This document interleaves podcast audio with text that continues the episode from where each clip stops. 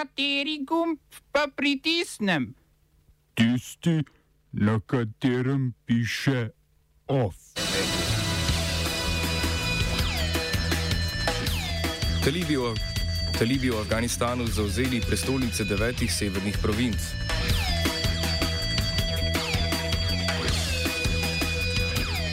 Odstopil guverner ameriške zvezdne države New York Andrew Cuomo.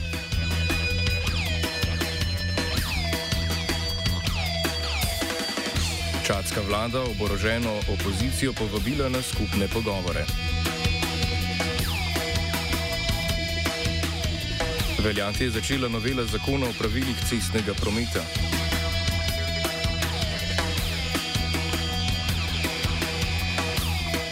In znanstvena novica Kentucky Fried Croft. Afganistanski finančni minister Khalid Pajende je odstopil z položaja in zapustil državo, potem ko so talibske sile zauzele že deveto provincionalno prestolnico v zadnjih štirih dneh. Tako so talibi v manj kot tednu dni zauzeli četrtino afganistanskih administrativnih središč. Od maja so talibi zauzeli večino afganistanskega podeželja in zdaj s priključenimi urbanimi središči skoraj popolnoma nadzorujejo severno in zahodno mejo države. Tem želijo talibi vlado odrezati od severnega dela Afganistana, ki se je talibom v preteklosti najbolj upiral. Vlada v Kabulu vsak dan izgublja ozemlje. Trenutno nadzoruje osrednji del središčem v Kabulu, vzhodno mejo in posamezne žepe ozemlja na severu in jugozahodu.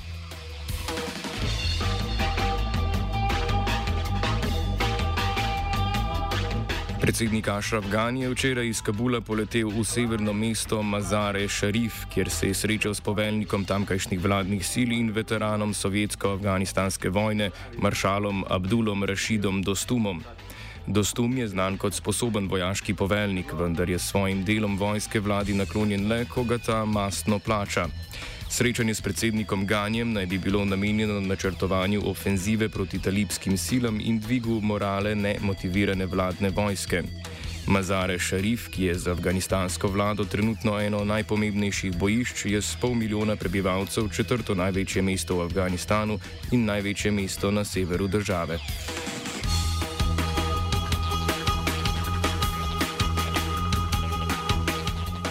Medtem pa ameriški, ruski, kitajski in pakistanski posebni predstavniki za Afganistan v katarski prestolnici Dohi ta teden začenjajo še ene diplomatske pogovore, tako imenovane razširjene trojke o političnih razmerah v Afganistanu.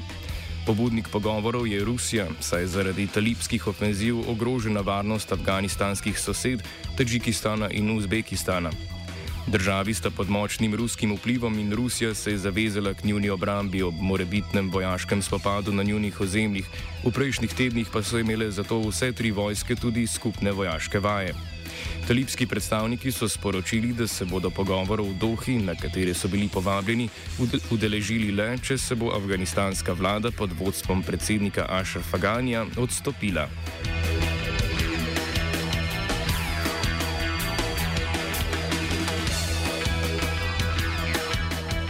Guverner ameriške države, zvezdne države New York Andrew Cuomo je po tednu dni pritiskal javnosti in političnega vrha, tudi predsednika Joea Bidna, zaradi obtožb spolnih zlorab odstopil z položaja. Pred sedmimi dnevi je New Yorksko vrhovno toživstvo objavilo sklepe preiskave, ki predstavlja dokaze za Cuomovo spolno nadlegovanje enajstih žensk na delovnem mestu. Cuomo, čigar politična karijera traja skoraj 40 let, je zanikal vse obtožbe in izjavil, da odstopa zato, da bi olajšal delo vladi, katere produktivnost bi se Cuomo po Cuomovem mnenju zaradi preiskave sicer zmanjšala. Cuomo ni prvi guverner New Yorka, ki je odstopil zaradi spolnega škandala. Od leta 2008 so zaradi spolnega nadlegovanja in upletanja v prostitucijo odstopili trije newyorški guvernerji. Kuoma bo nasledila Kathy Hochul, s čimer bo tudi postala prva ženska na položaju guvernerja Zvezdne države New York.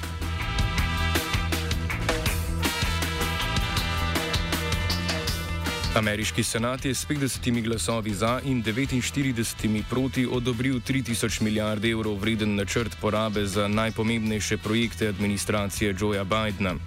Od tega je skoraj tisoč milijard namenjenih investicijam v javno infrastrukturo, kot so ceste, mostovi in letališča. Teh tisoč milijard evrov za infrastrukturo je vključeval tudi prvi dogovor med predsednikom Bidenom in republikansko manjšino v senatu, s katerim sta se strinjali in ga sprejeli obe strani. Z dogovorom pa so bili nezadovoljni demokratski senatorji, ki so pripravili nadgradnjo prvotnega dogovora, vredno dodatnih 2000 milijard evrov, ki bodo namenjeni izboljšavi šolstva, cenovno ugodnim stanovanjem in razvoju okolju prijaznih tehnologij. Večina republikancev je novemu, razširjenemu predlogu nasprotovala, vendar je z najmanjšo možno razliko prevladala demokratska večina in sprejela razširjeno različico Bidenovega načrta porabe.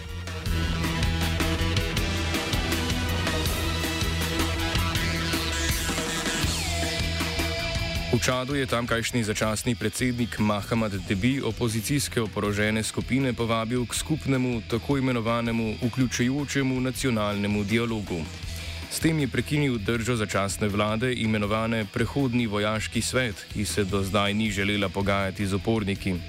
Na letošnjih predsedniških volitvah v začetku aprila je vnovič zmagal predsednik Idris Debi, ki je državo vodil od državnega udara leta 1990.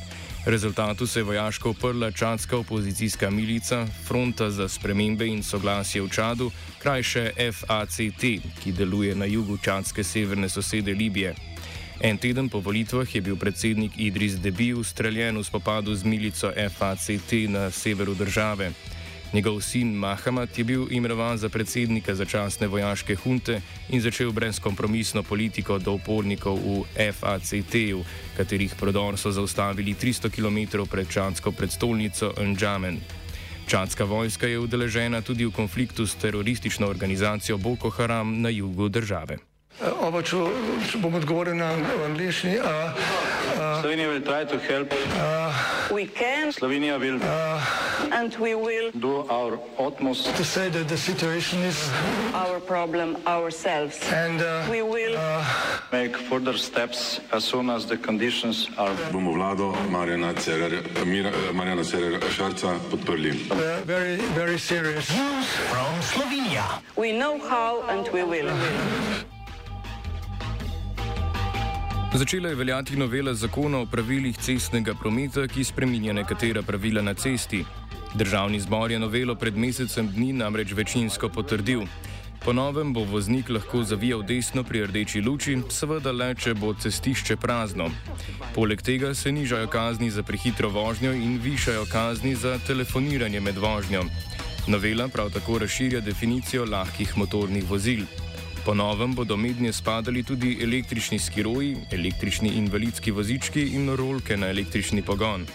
Med novosti sodite še obvezna nošnja kolesarske čelade do 18. leta med vožnjo lahkih motornih vozil in določitev 1,5 metrske bočne razdalje za avtomobile pri prehitevanju vozil, katerih največja hitrost ne presega 25 km/h.